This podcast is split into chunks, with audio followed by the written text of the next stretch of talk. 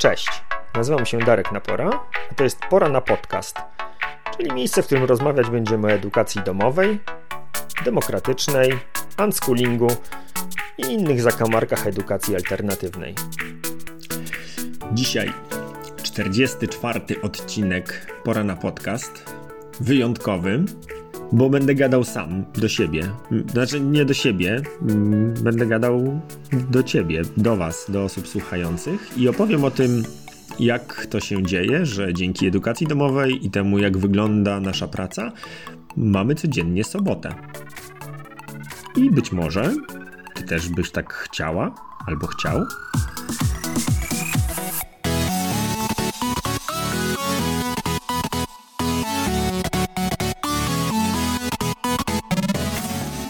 Powodem, dla którego to nagrywam, jest, jest fakt, że wczoraj e, taka dyskusja się e, wy, wytworzyła po tym, jak umieściłem informację o tym, że mamy sobotę codziennie, to znaczy, że nasze, mm, nasze rozwiązania czy nasze wybory rodzicielsko-szkolne sprawiły, że dzieciaki każdy dzień w zasadzie przeżywają tak, jakby to była sobota. I co ważne, my też jako dorośli, no bo to jest wybór taki trochę wspólny dla całej rodziny, bo nie da się tego zrobić mm, wbrew komuś, tak? Czyli jak ja bym sobie uznał, że będziemy mieli w domu unschooling, ale dzieci wolałyby chodzić do szkoły, to ja mógłbym ich zmusić. Nie, nie, nie będziecie chodzić do szkoły.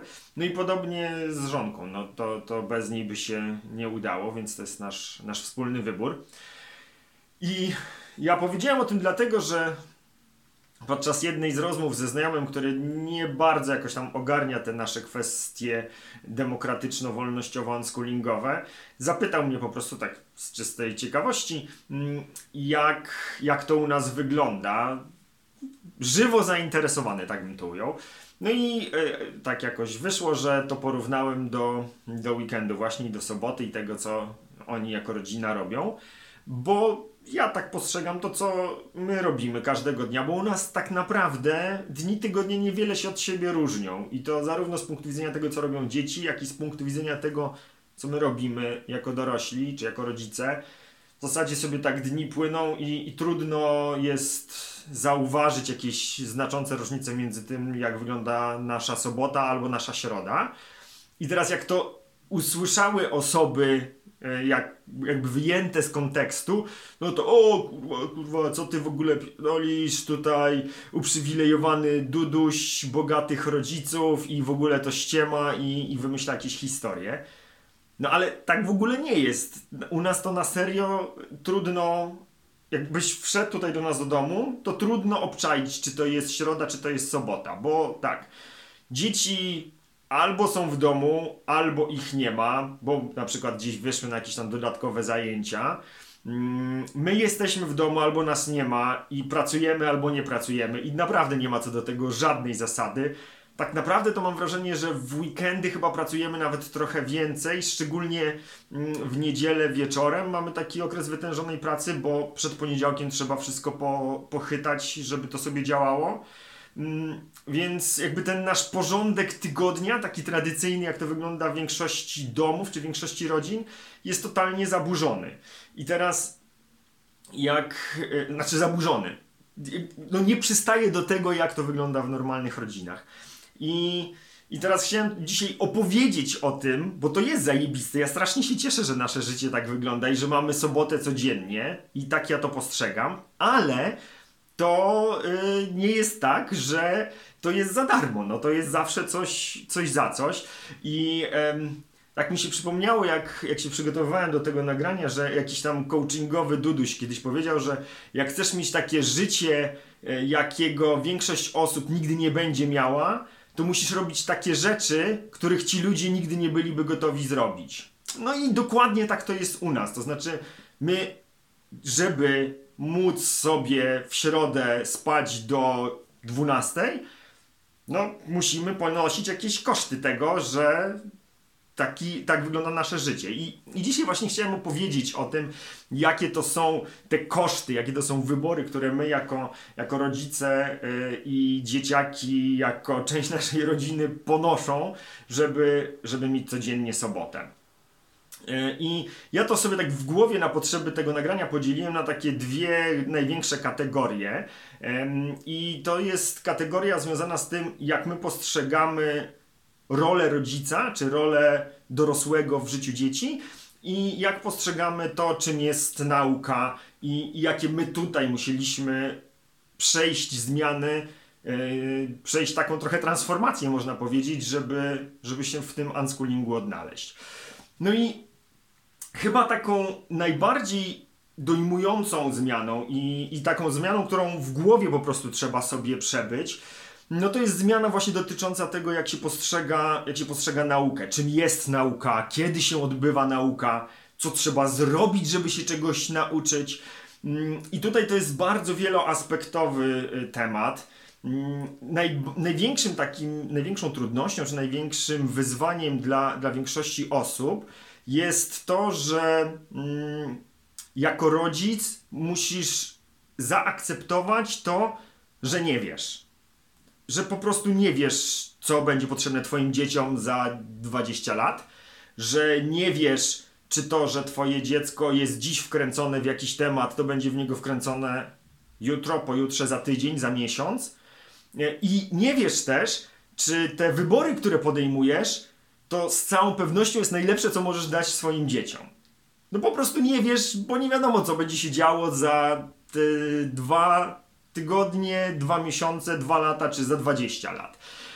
I to, co mi przynosi w tym ukojenie i co, co dla mnie było kluczem do rozwiązania e, tego nie dającego się rozwiązać dylematu na potrzeby tu i teraz, było, było takie przeanalizowanie własnych doświadczeń szkolnych, tego jak wyglądała moja nauka i jak wyglądała nauka osób w moim, w moim otoczeniu. I no jest to przesrane, żeby wziąć i spojrzeć w lustro i powiedzieć sobie Darku, trochę zmarnotrawiłeś 17 lat życia siedząc w szkolnej ławie, bo tej nauki, która teoret... nauki w cudzysłowie, która miała się tam odbywać, nie za bardzo masz teraz okazję używać i, i trochę to był czas, który jak krew w piach, cytując fragment filmu. Zmarnowane, bo, bo niewiele z tego, z tego teraz jesteś w stanie używać. I w drugą stronę, jak myślę sobie o doświadczeniach osób w moim otoczeniu i to jak wówczas postrzegałem ich wybory, jak wydawały mi się irracjonalne z dupy i, i bez sensu. I teraz nagle z perspektywy 40 lat, które przeżyłem, nagle okazuje się, kurczę, no, to było jednak mądre. Ja do znudzenia wspominam taki wybór jednego z moich kolegów, który poszedł na mm, studia już nie pamiętam, jakiś był tam międzywydziałowy taki kierunek e, o analizie wielkich zbiorów danych i komunikacji w internecie. Tak, co? Jakie? No tak, na początku XXI wieku to puknij się w łeb. Komunikacja, big data, pff, jakieś pierdalety. No a teraz nie wymaga to komentarza. I z drugiej strony moje wybory, które mi się wówczas wydawały strasznie racjonalne, takie mądre i że to to się na pewno przyda i moje studia na SGH-u, które się wydawały takim racjonalnym i zawsze przydatnym, przydatnym kierunkiem i, i, i umiejętnością, no tak, tak sobie wtedy myślałem, po czym skończyłem te, te studia ekonomiczne i jak założyłem firmę pierwszą, e, to fakturę, pierwszy dokument, który wystawiałem, jeszcze się to wtedy długopisem pisało, przynajmniej ja pisałem długopisem, wystawiałem, słuchajcie, 7 razy, no nie? 17 lat nauki, 5 lat studiów ekonomicznych i kurwa, 7 razy wystawiana faktura. No, nie nauczyłem się, nie nauczono mnie, no ale ja takie miałem przekonanie, że ktoś tam przyjdzie i mi powie, co będzie wartościowe. No nie co, jak skończę te studia, to będzie mi przydatne, żebym ja wiedział. No okazało się, że, że przez 17 lat nikt nie wpadł na to, że może mi się przydać, że będę potrzebował wystawić fakturę. I to jest tylko jedna, jedna rzecz, której ci ludzie w systemie oświaty niestety nie odkryli, że może być przydatna. I teraz ja jako rodzic akceptuję to, że tak będzie. No, nie będę, nie wiem. Być może za 5 lat najbardziej przydatną umiejętnością będzie obsługa AK-47, bo będziemy mieli wojnę. Nie wiem. Natomiast to, co przynosi mi to ukojenie, to jest to, że w unschoolingu moje dzieci, ale po prostu dzieci. O, rozładował mi się dyktafon. No to nic, będzie na samym YouTubie. Em, że, że dzieci e, samodzielnie biorą odpowiedzialność za to, czego się uczą i nie uczą się tego dlatego, że ktoś im powiedział, że dostają kurna uśmiechnięte albo smutne buźki, jak się nie nauczą plusiki, minusiki, czy bo ktoś to włożył w podstawę programową, tylko dlatego, że same podejmują taką decyzję. I to jest po prostu gigantyczna różnica, kiedy dochodzisz do tego momentu, że uczysz się czegoś, bo jest ci to potrzebne, i doświadczasz tego, że ta nauka po prostu nie boli, bo robisz to z własnego y, wyboru. To jest to, co ty chcesz zrobić. I to wcale nie znaczy, że nauka będzie łatwa, bo ona często bywa wielkim wysiłkiem, o, ogromnymi zasobami czasu okupiona, y, potu. Y, czy, czy po prostu wysiłku intelektualnego, jeżeli to jest jakaś umiejętność wymagająca tego właśnie zasobu ale robisz to i kontynuujesz i uczysz się tej wytrwałości w zdobywaniu umiejętności, doświadczając tego, jak to jest. Czegoś potrzebuję teraz, uczę się. Czegoś będę potrzebował za dwa miesiące, wezmę i się nauczę. E, będę czegoś potrzebował za 20 lat, zabiorę się i zacznę się tego e, uczyć, a nie będę żył w jakimś poczuciu, nie wiem, frustracji, że nie nauczono mnie tego w szkole, że kurwa skończyłem szkołę i fakturę nie umiem wystawiać. No, no nie, no bo nikomu nie przyszło doba, że ktoś po uczelni ekonomicznej może założyć firmę, no. I, i, taki, to, i taki to kłopot. E, ba! E, ja pewnie gdybym jakoś tam poszukał gdzieś w tych przedmiotach wszystkich, to, no to może mi nawet znalazł, nie wiem, jakąś tam księgowość czy coś. Też nie wiem w sumie, czy była wtedy, był wtedy taki przedmiot na mojej e, uczelni, ale no, jak każdy porządny student, y, mając przedmioty do, wybioru, do wyboru, wybierałem oczywiście głównie te, które byłem przekonany, że się łatwo zda. I to też jest taki szkolny klasyk, że, że dzieci, czy, czy uczniowie, czy potem nawet studenci wybierają nie takie przedmioty, które ich interesują, które są wartościowe, tylko te, które najłatwiej zdać. Nie jestem z tego bardzo dumny, ale jest to doświadczenie, z którego teraz, mm, teraz sobie czerpię. I, I to jest y, taki pierwszy, ta pierwsza zmiana, która musi się e, zadziać, czy musi e, zajść w głowie dorosłych, żeby w ogóle móc myśleć o, o unschoolingu. No bo w innej sytuacji mm, to będzie taka szarpanina i, i takie życie w poczuciu, że, że, że a co jak coś robię źle, no nie? No nie wiesz, czy robisz dobrze i jeżeli się nie zakumplujesz z taką z takim poczuciem, z taką, z taką sytuacją, no to nie ma, się, nie ma się co pakować w takie rozwiązanie jak to, mm, jak to nasze. I wtedy może po prostu wygodniej, żeby dziecko chodziło do szkoły, ty do roboty, porządek jest. Dobra, to to jest, to to jest pierwsza zmiana. Na, na tym poziomie edukacji, czym jest, e, czym jest edukacja i, i jak ona może być e, różna, jeżeli przejdziesz sobie na ten, na ten inny level, tak? Ja nie mówię, że to jest lepiej czy gorzej, po prostu jest inaczej. E, to znaczy, bierzesz, ja jako rodzic biorę odpowiedzialność za naukę, za edukację, za wzrastanie moich dzieci, a nie przekazuję tego, mm, tego dorosłym w szkole czy, czy nauczycielom. I to jest drugi ten aspekt, który, mm, który wymaga no, pewnej zmiany postrzegania tego, jak, e, jak wygląda życie, jak wygląda odpowiedzialność za, za różne wybory. Bo mm, no, ja jako rodzic biorę na siebie tę odpowiedzialność, mimo że nie wiem, co będzie moim dzieciom potrzebne. Natomiast jest to wielkie obciążenie, bo ro kiedy rodzice wysyłają dziecko do szkoły, no to mają takie poczucie, no kurczę, tam są typy, które się znają, oni biorą za to odpowiedzialność e, i oni wiedzą, jak to robić, i moje dziecko zostanie przygotowane do dorosłości. No niestety, w unschoolingu tak nie ma. To ty jako rodzic, to ja jako rodzic, jako tata, muszę to wziąć na cycki i zakumplować się z tym, że być może te wybory, które, które podejmuje moje dziecko, bo to głównie są e, w naszym przypadku wybory dzieci, potem na starość, jak e, się okaże, że były jednak kiepskie, no to prawdopodobnie będę się czuł częściowo za nie, za nie odpowiedzialny, być może nawet winny, gdyby się coś złego stało. E, no ale cóż, tak to jest, e, jako dorosły człowiek, jako rodzic, ja czuję, że, mm, że chcę dziecko wyposażyć w tę możliwość podejmowania własnych wyborów, nawet gdyby miało się okazać, że one, że one nie będą optymalne, czy nie będą najlepszymi, jakie można było e, dzisiaj w 2021 roku w grudniu wybrać.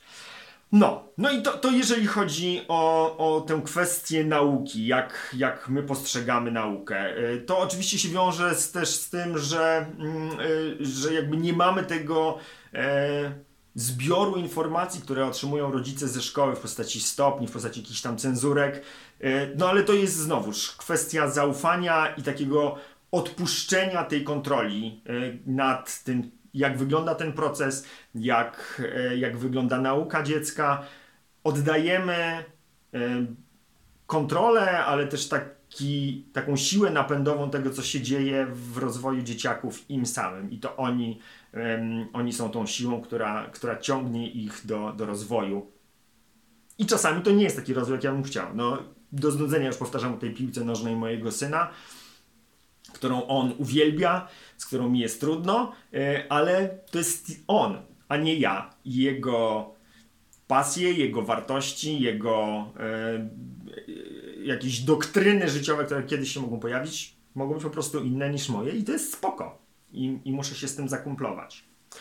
No, to tyle z nauką. E, druga rzecz jest e, dużo bardziej skomplikowana, bo tutaj chodzi o, o to, kim ja w ogóle jestem w życiu moich dzieci i, i, i po co dorośli są w życiu, e, w życiu dzieci. No i, i tutaj trzeba sobie zadać parę poważnych pytań, bo jak chcesz mieć sobotę codziennie, no to oznacza, że jesteś niemal 24 godziny na dobę, 7 dni w tygodniu, codziennie z dziećmi.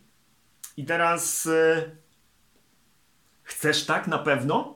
No, w naszej sytuacji wygląda to tak, że yy, no, zdarza się nam powiedzmy ze 3-4 razy w roku złapać nawet nie cały weekend, tylko tak, że mamy we dwoje bez dzieci noc i tam jeden dzień. Prze, od kiedy dzieci się urodziły, byliśmy jeden raz przez tydzień na urlopie, e, tylko we dwoje. I to jest istotny koszt, który my ponosimy jako rodzice, i to jest rzecz, na którą po prostu nie każdy rodzic byłby gotów się zdecydować. Mm, w naszej sytuacji wygląda to w ten sposób, że my prowadzimy po prostu swoje działalności gospodarcze i którejś z nas zawsze jest z dziećmi. Oprócz tego, mm, oprócz tego no, korzystamy z pomocy Fundacji Bullerbyn i grupy unschoolingowej, w której dzieci spędzają trzy razy w tygodniu 5 godzin. No ale to jest czas, który my nie spędzamy ze sobą we dwoje, w sensie ja i Magda, tylko zapieprzamy, bo robota się sama nie zrobi. I hajs nie zarobi. E, więc e, decydując się na unschooling i na takie rozwiązanie, w jakim my żyjemy, gdzie te, y, gdzie te dni rzeczywiście niewiele się od siebie różnią mm, i gdzie jesteśmy w stanie spędzić y, na przykład trzy dni wychodząc z domu tylko na spacer z psem, bo nie ma powodu, żeby robić cośkolwiek innego, ale to się wiąże z tym, że jesteśmy z dziećmi niemal non-stop. No i teraz musisz sobie zadać pytanie, Ile razy zdarzyło ci się, nie wiem, zostać po pracy trochę dłużej, albo nie wrócić z treningu bezpośrednio, tylko zaczekać aż, nie wiem, ta twoja żona czy twój mąż położy dzieci spać, albo żeby nie słuchać tego wieczornego jędolenia, albo wyjść wcześniej, żeby nie, nie, nie słuchać porannej spinki z wychodzeniem do pracy. No, to są rzeczy, które ty poświęcasz, żeby mieć czas na pracę, na swoje treningi, na robienie rzeczy, które tobie sprawiają przyjemność. My tego czasu samotnego, bez dzieci, mamy bardzo niewiele. I jeżeli dla nas to jest ok, dla nas to jest akceptowalne, ale to jest wybór, który my podejmujemy. I teraz, jak chcesz mieć codziennie sobotę, no to zajrzyj sobie do kalendarza i zobacz, co ten twój kalendarz mówi, co jest dla ciebie najważniejsze. Jeżeli jest dla ciebie najważniejsze praca, to pewnie w twoim kalendarzu najwięcej zajmuje praca. Jeżeli dla ciebie najważniejsze są treningi, to pewnie będą zajmowały dużą e, część twojego kalendarza. Ile w twoim kalendarzu zajmują dzieci i czy naprawdę chcesz, żeby zajmowały więcej? Bo w unschoolingu zajmują zdecydowanie najwięcej czasu. I nie mówię tutaj o takim spędzaniu czasu, że wiesz, lampicie się e, razem w Netflixa wieczorem. Bo tak, my też to robimy, ale to jest taki wycinek naszego e, budżetu czasu z tych 24 godzin, które mamy dla siebie przez cały dzień. O, z wyjęciem powiedzmy 7-8, które, które dzieciaki śpią. I, I ja wiem, że sobota brzmi, brzmi cudownie, żeby ją mieć e, codziennie, ale ta sobota to jest naprawdę codziennie.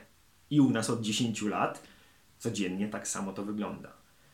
Mm, I to jest koszt, który my żeśmy się zdecydowali ponieść. Natomiast parę kosztów z tym związanych trochę było dla nas niespodzianką. I ten, e, ta, ta dyskusja, która się wywiązała i to, jak odebrany został, e, został ten post, jest właśnie niezłą ilustracją tego, co jest kolejnym kosztem, na który ja szczerze mówiąc trochę nie byłem gotowy i jest dość bolesny. To znaczy to, jak odbierane są takie wybory przez osoby w naszym otoczeniu. No i w momencie, kiedy ty chodzisz do pracy, dziecko do szkoły, no to wiadomo, jakby wszyscy przez to przechodziliśmy, wszyscy przez to przeszliśmy, nasi rodzice się wkurzali, jak rano byliśmy spóźnieni, my się wkurzamy, że oni się spieszą, a nie zdążymy na czas, bo coś tam. No my nie mamy takich trudności, bo nie musimy być nigdzie rano, ani dzieci do szkoły, ani my do pracy. Po prostu możemy sobie przez dwie godziny bimbać przy śniadaniu, jeżeli uznamy, że to nam się podoba. I to się często dzieje. Dzieciaki o 9.30 włączają konsolę i zaczynają rypać Fortnite'a. Dla większości rodziców takie, takie, taki poranek to marzenie. Ale okazało się, że w momencie, kiedy opowiadam o tym, że słuchajcie, takie są nasze wybory, no to nagle się okazuje, że, że to jest komunikat, który sprawia, że osoby w naszym otoczeniu zaczynają to odbierać jako no, coś negatywnego. Ja nie chcę tutaj używać jakichś za mocnych słów, natomiast y, no, choćby w, w czasie tej ostatniej dyskusji pojawiły się takie słowa, że tutaj rozpieszczony bubuś, e, że, że rodzice płacą, że, że bierze pieniądze nie wiadomo skąd, jakiś oszust, e, bo nie pracuje, a ma.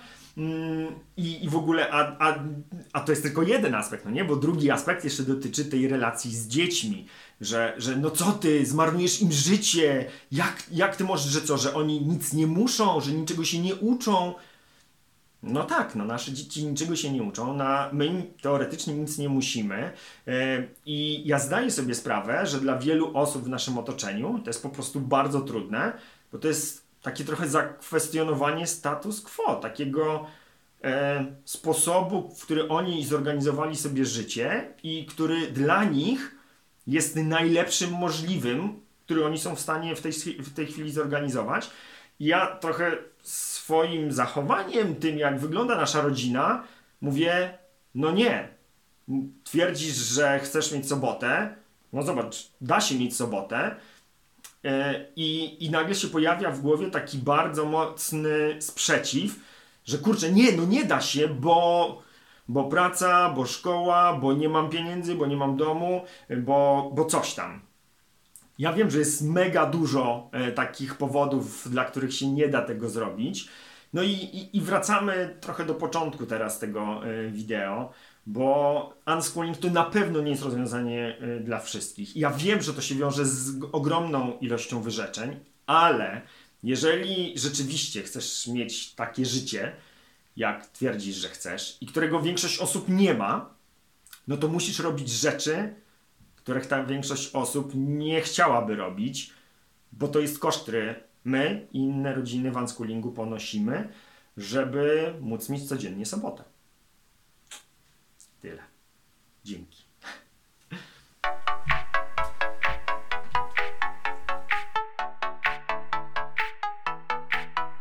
Dzięki za wysłuchanie kolejnego odcinka Pora na podcast. Jeśli uważasz, że był wartościowy, cenny, ciekawy, to zachęcam Cię do udostępnienia go. Jeśli masz jakieś pytania, wątpliwości dotyczące edukacji domowej albo któregoś z tematów, który poruszaliśmy w odcinku, to zapraszam Cię do kontaktu. Mój adres znajdziesz w opisie tego odcinka.